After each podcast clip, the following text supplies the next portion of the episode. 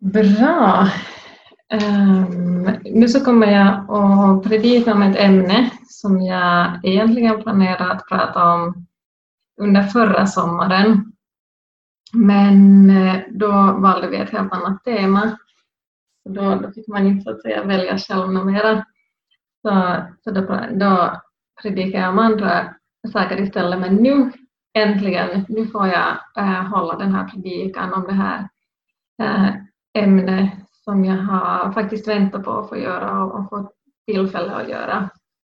Eh, det handlar om eh, Jesus och hur han möter en kvinna som är i en väldigt svår situation. Och den talar till mig väldigt mycket, den här berättelsen. Och jag hoppas att det kommer att göra det till, till er också. Och sen dessutom så um, blir det en liten sådär, vad ska man kalla det, modern twist. Ursäkta mig, en modern twist där på slutet. Jag kommer att koppla den här berättelsen till nutid. Um, helt enkelt för att jag inte kan låta bli, för att jag, åtminstone jag så tycker att den här um, kopplingen är så, så självklar så uh, jag vill faktiskt göra den. Um, och den här berättelsen så den är, är invävd här mellan det som egentligen händer i det här kapitlet, är nu i, i Markus evangeliet 5, så det är det att Jesus uppväcker Jairus dotter.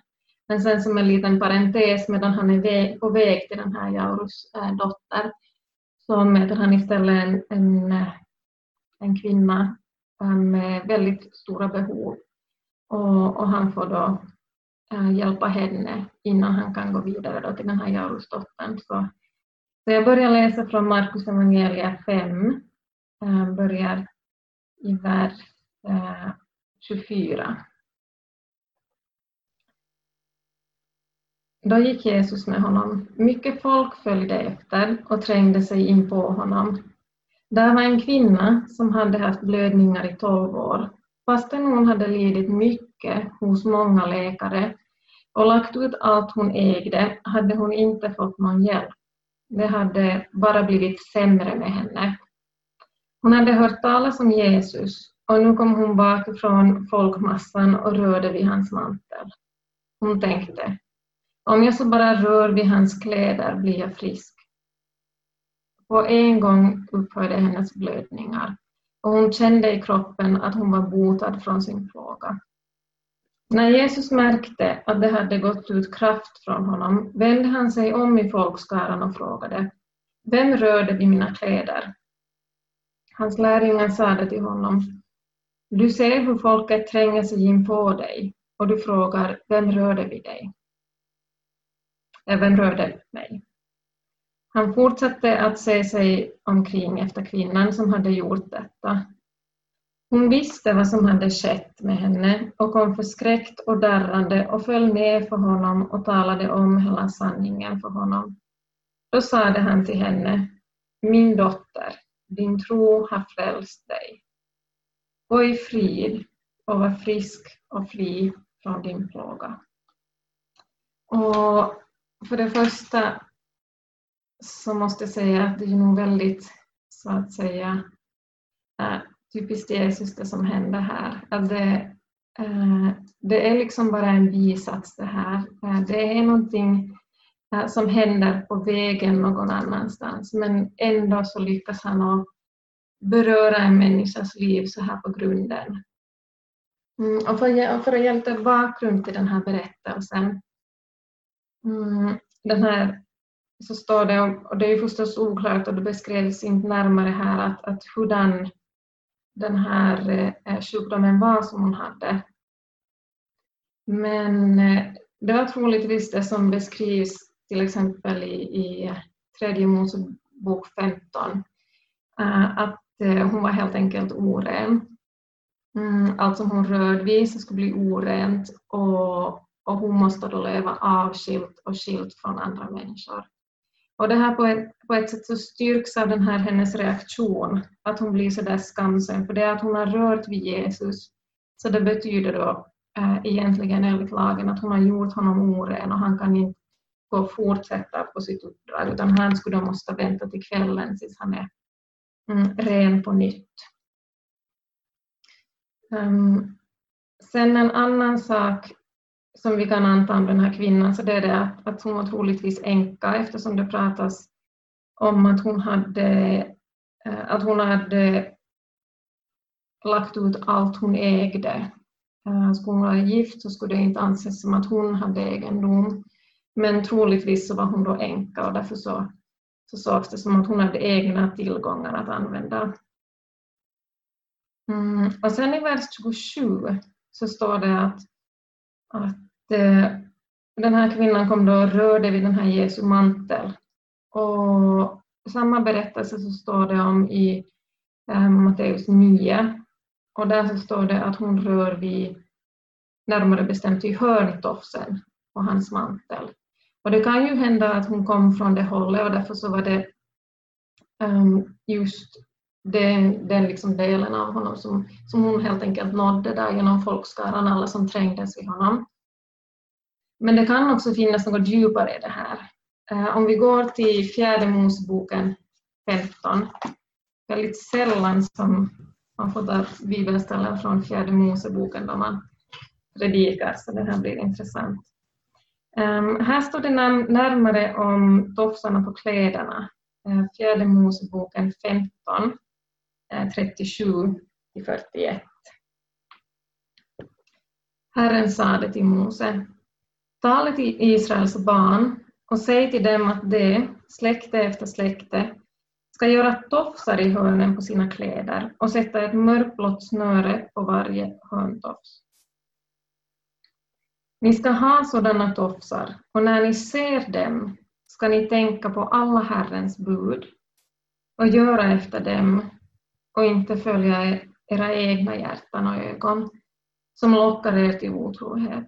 Så ska ni tänka tänka på och göra efter alla mina bud och vara heliga inför er Gud.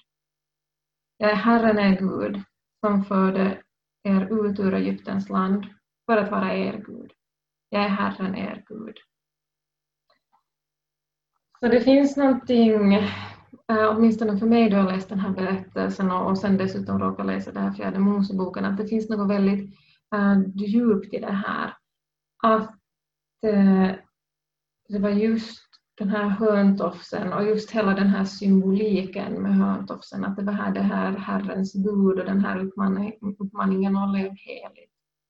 Eh, för det vet vi ju, det står det väldigt tydligt i till exempel Romarbrevet, lagens uppgift, så det var det att visa att vi inte räcker i oss själva, att vi behöver nåd, att vi behöver eh, en Gud som hjälper oss, som hjälper oss på vägen, som visar oss framåt. Och, och äh, samtidigt som det pra, pra, äh, talas om lagen i Gamla testamentet så talas det också väldigt tydligt om en räddare, om en frälsare.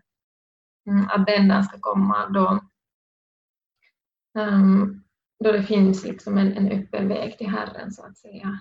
Och det ser vi här just väldigt äh, koncentrerat här det här ögonblicket när den här kvinnan gör på det här sättet. Jag vet att jag är oren, jag är sjuk, jag har lidit i tolv år och nu är det dig som jag sträcker mig till, min frälsare. Hjälp mig. Och, och det här är väldigt starkt, det som hon gör. Och Det är också intressant att hon gör det utan att Jesus vet om det och så att säga ändå funkar det. Uh, alltså, och jag är också väldigt imponerad att man försöker med olika saker, gå till alla specialister, um, söka hjälp i tolv år på olika sätt. Och det enda som händer så det är, det är att plånboken blir lättare och man själv får det bara värre och värre och värre. Mm, men här ser vi hur, hur liksom det här hoppet, hur hon står inte så mycket i bakgrund här men vi ser ändå hur hon handlar i ett väldigt stort hopp, har en tro på att nu, nu är äntligen den här stunden då, då jag får se en förändring i mitt liv. Och det här är väldigt starkt och också att hon tar den här risken, att hon vet att eh, hon ses som orätt men då kan hon finnas bland människor. Och vi ser också här att eh, Jesus kallar henne för min dotter. Säger att hon är min dotter, din tro har gjort, Eh, har gjort det ren. Och det här är också väldigt starkt, att, att eh, om hon då har saknat den här gemenskapen på grund av sjukdomen, Eh, antingen på grund av att hon har sett som, som oren eller så åtminstone bara för att man helt enkelt eh, inte klarar av att vara sitt vanliga jag när man är sjuk och blir sämre och sämre, utan man på ett sätt sluts in i den där sin sjukdom. Um, men här ser vi då att, att hon blir sedd och hon blir upprättad i de här. Och hur Jesus inte håller tillbaka då han talar till henne. Mm, och det vill jag poängtera för att ibland har jag hört predikningar om det här. Och det handlar väldigt mycket om det här att, att uh, hon trodde, yes, hon trodde typ sådär, hon tog i ända från tårna och sen tack vare att hon gjorde prestera sin tro så kunde Jesus hjälpa henne. Mm. Men, men för mig så visar den här berättelsen bara på den här otroliga tilliten som hon hade. Plus det att vi ser det att eh, Jesus säger att, att eh, din tro har frälst dig. Men han säger inte någonting om det som hon har gjort tidigare. Han inte på något sätt fördömer att, att eh, Eh, du gick till läkare eller du sökte på andra sätt hjälp tidigare, eh, men du ska istället bara borde gå direkt Gud eller kom till mig tidigare eller något sånt här. Det finns inte någon sån förebrådelse. Um, ehm, utan det är liksom bara det här nuet som räknas. Och vi ser det här att, jag, ja, jag behöver väl inte ens säga det, men, men jag känner att jag måste säga det, att, att Gud verkar också genom hur vi tar hand om oss själva och läkare och så vidare. Och ibland då genom direkt helande. Och ibland får vi inte alls som vi vill då vi, vi söker helande. Um, men, men det som på något sätt så tror jag att, att, det är det som är speciellt med den här kvinnan, att hon inte låter det hindra sig utan att hon, hon um, vågar hoppas på något nytt för kanske tusende gången eller hon som märker i sin tro att men det här det är annorlunda, nu det jag fick höra om Jesus och hur han verkar, det, det är på något sätt helt nytt och, och det här tror jag verkligen på. Att hon som vågar tillåta sig själv att hoppas och vågar på det sättet sträcka sig mot Jesus och i det här fallet just mot hörntofsarna som visar just det här att, att Gud, um, du är lagen men du är också nåden och nu, nu vänder jag mig till dig och jag söker din hjälp. Och det står ju också, det här har jag citerat många gånger, gånger tidigare i Hebreerbrevet 12 och 2, att det är Jesus som har den här trons upphovsman och fullkomnare. Att vi tror tack vare att Jesus och den helige Ande hjälper oss att tro och hjälper oss att växa i vår tro. Mm, på samma sätt som det säkert, och nu spekulerar jag, som det säkert var för den här kvinnan, eh, att hon, eh, hon hörde om just Jesus och det var den här berättelsen om Jesus och på det sättet Jesus som fick henne att våga, våga hoppas på nytt. Så jag vill bara uppmuntra dig att, att det, som jag har sagt många gånger förut, det handlar inte om att vi skiljer oss från Jesus och presterar tro och sen så kommer vi till Jesus och säger se vad fin tro det är som jag har byggt upp på egen hand, visst var jag duktig, utan det handlar om att, att Jesus bygger det här i oss och hjälper oss framåt och hjälper oss vidare i vår tro. Um, och jag vet inte om ni ser de här parallellerna, men jag ser då väldigt tydligt, eh, de här parallellerna med, med vad som har hänt nu på de senaste veckorna i USA och också här i, i um, Åbo igår, var, det var den här demonstrationen och det som jag pratar om så är det ju då mm, de här protesterna mot eh, eh, polisbrutalitet och den här George Floyds död som var för nästan tre veckor sedan. Och svårt att kommentera det så här så att alla blir nöjda. Eh, det finns så mycket bakgrund, det finns så mycket åsikter, det finns så mycket åsikter där bakom rutan. Vissa vet jättemycket, vissa vet jättelite, vissa tycker att man pratar för lite om det i kyrkan, eh, vissa tycker att det inte alls är kyrkans roll att prata om det här. Mm, och det är lite egoistiskt det här hur jag tar upp det. Men det här är också ett sånt här starkt eh, exempel på, på den här styrkan i evangeliet. Hur det faktiskt finns en kraft i evangeliet som kan så att säga bryta fram.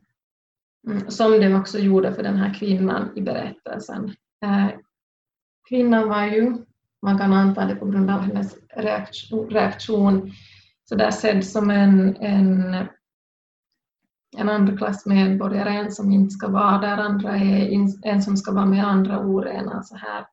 Ehm, och det är ju en stor del av eh, historien för afroamerikaner i USA mm, som ser ut på samma sätt. Och, um, vi ser till exempel uh, Philip Yancey som är en av mina favoritförfattare. Han pratar i en av sina böcker om hur han måste komma ur den där uh, rasismen som lärdes in i honom då han var, um, då han var pojke och tonåring i, i sin kyrka, hur det liksom eh, grundmurades och han sen måste liksom aktivt välja bort det mm, ur sitt liv. Um, ja, jag ska inte ta hela historien, men jag ska ta lite så här axplock. För eh, då det började och då man började ta eh, svarta människor från Afrika och föra dem till USA, så då samlade man dem i sådana här slavfort. Eh, och det här var liksom kyrka på den, vissa kyrkor på den tiden. Jag har be, besökt ett av de här slavforten i, i Västafrika och um, det fanns liksom en grotta där under marken, dit samlade man då allihopa som sen skulle tas med skeppet för skulle föras vidare sen till, till USA mm, och Sydamerika och Centralamerika. Um, och liksom svarta människor var där under marken. Medan sen två våningar uppåt, så där fanns det en kyrka.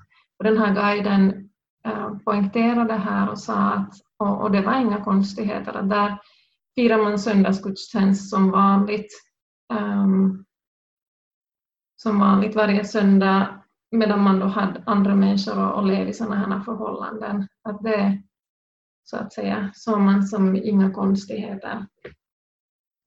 Och, och, så där. och man kan anta att det var en liksom också i, i sydstaterna i USA, det var en sån här form av, av kristendom som presenterades för de här som levt i slavar då att, um, att uh, det här är din roll, du är andra, andra klassens människa och så vidare.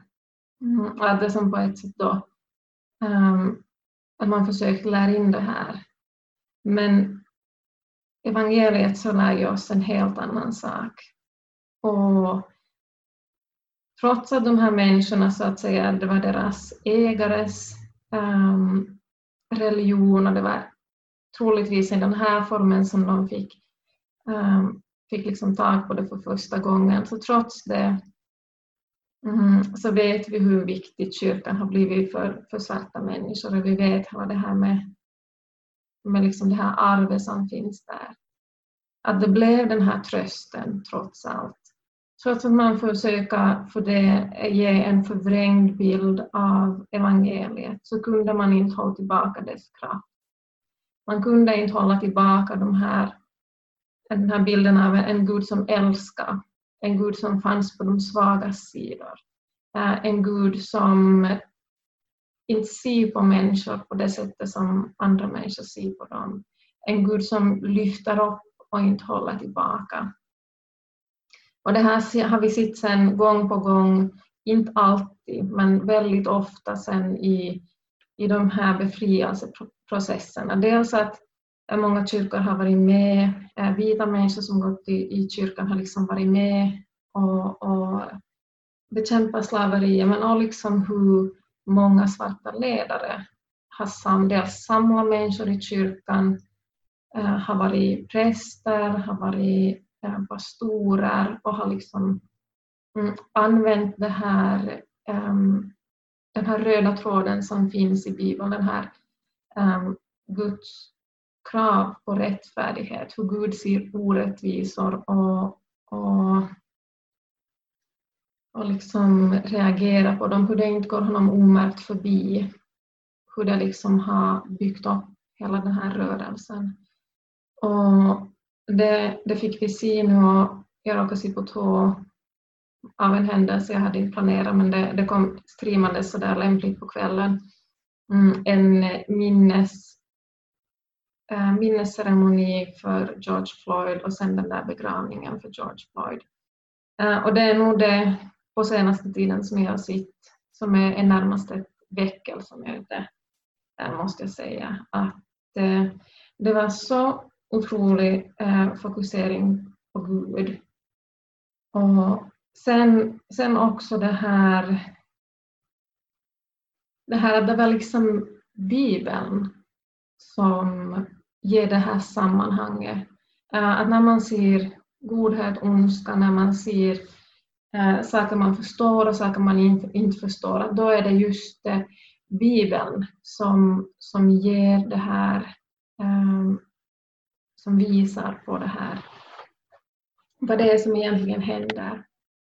Mm, och det här var, var väldigt starkt att se. För att om man tänker på, på vilket sätt evangeliet först presenterades så skulle det kunna gått på ett helt annat sätt och man skulle kunna vända sig till någon annan, till någon annan tro. Men eh, jag tror att den här evangeliets kraft, det var för stark. Och, och därför så är det då det som har blivit den här, och fortfarande är, är till mångt och mycket den här grunden för, för det här. Um, och ja, så jag kan rekommendera er, jag ska inte försöka eh, citera något därifrån, men jag, jag rekommenderar varmt de där talen och, och det som händer där. Man behöver inte hålla med om allt, men det var, var väldigt eh, starkt att följa med. Och jag tror att det är det här som vi behöver idag. Mm. Jag läste häromdagen en helt eh, eh sekulär bok. Och, och där fanns det en sida där det just handlade om det här att, att eh, förr i tiden, de hade, hade gjort något fel, så då kunde man gå eh, till kyrkan och så att säga få syndernas förlåtelse. Så där man kunde få hjälp på vägen framåt och man kunde känna sig förlåten och också hjälpt då man hade gjort något misstag. Mm, men eh, men sen så stod det att nu för tiden så är det så att oj, jag orkar inte eller nu gick det fel eller nu, nu fungerar inte mitt liv. Då får man istället höra dagens prestationssamhälle. Det var synd att du inte hade planerat ditt liv annorlunda. Um, vad synd, för du kan ju göra vad som helst, så varför har du inte valt att göra det? Och så här. Och vi måste komma ihåg det här att Gud ser på människor med andra ögon än vi själva kanske gör och vad andra gör. Mm, vi måste komma ihåg att ha den här nådens blick mot oss själva. Att på samma sätt som den här kvinnan med, med blödningar, hon blev upprättad, eh, på samma sätt som, som kyrkan har blivit den här grunden för att ge eh, ett människovärde åt sådana som förvägrades det av, av andra medmänniskor. Eh, så behöver vi komma ihåg det att, att Gud är inte bara en Gud för de starka och rika och lyckliga, utan att, att Gud finns med oss i medgångar och Gud finns också med oss i motgångar. Mm, och jag vill till sist eh, låna faktiskt ett uttryck från, um, från den här begravningen som jag följde med och det får vi bära med oss om vi känner oss modlösa eller vi upplever att vi är utanför eller att vårt helande dröjer som den här kvinnan måste ha vänt på det på 12 år. Och det är det att eh, fast vi lider här och nu så vet vi slutet. Mm, vi vet att vårt hopp är evigt och vi vet att det finns en vila i det här. Vi vet det att fast saker är orättvisa här så är det Gud sen som kommer att och åtkräva rättvisa. Och, um, fast det här kanske händer saker som vi inte förstår och som vi tycker att är orättvisa så får vi uh, sen i himlen så då, då har vi det mycket bättre och då, då är det här liksom ingenting i jämförelse med den härligheten som vi har där. Så vi får trösta oss med det, att Eh, i vår tro så då får vi också lita på det här att vi vet hur slutet går. Och vi vet att fast vi kämpar här, fast det är jobbigt här, så vet vi ändå det här slutet. Yes, så vi får vila i vårt eviga hopp som vi har i, i Jesus Kristus.